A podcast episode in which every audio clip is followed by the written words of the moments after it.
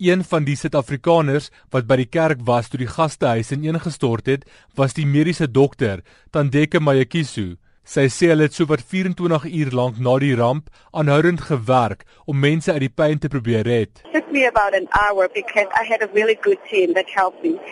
From noon on Friday up until noon the following day, we're just getting people and helping people and, and, and that's basically what I was doing.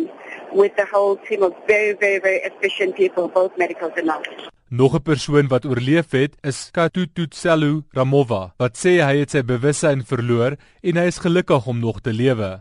We were staying in a seventh floor building. As I was sitting there about to eat my meal, the whole building fell down as if it was like bomb I fainted for like hour or 30 minutes if I, if I can recall well. When I regained my consciousness, I was down in the broken rubble. It was dark. There was no oxygen. There were so many, many people under the rubble because we were about 250, 300 in that hall. For like 13 hours, there was no light, there was no oxygen, there was no network in our phone. It was so dark. We only survived through grace in the mercy of Jesus Christ. Intussen het die voorsitter van die komitee oor internasionale betrekkinge en samewerking, Moses Mashangu, in die parlement vir meer duidelikheid gevra oor wie die familielede van slagoffers kan kontak vir meer inligting.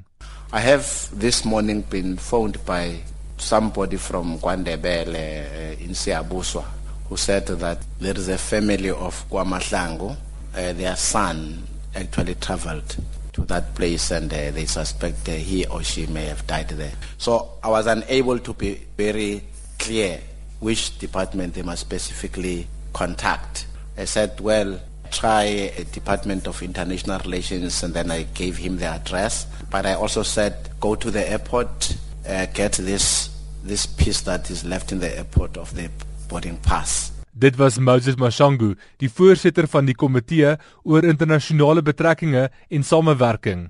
Ek is Jacques Steenkamp in Johannesburg.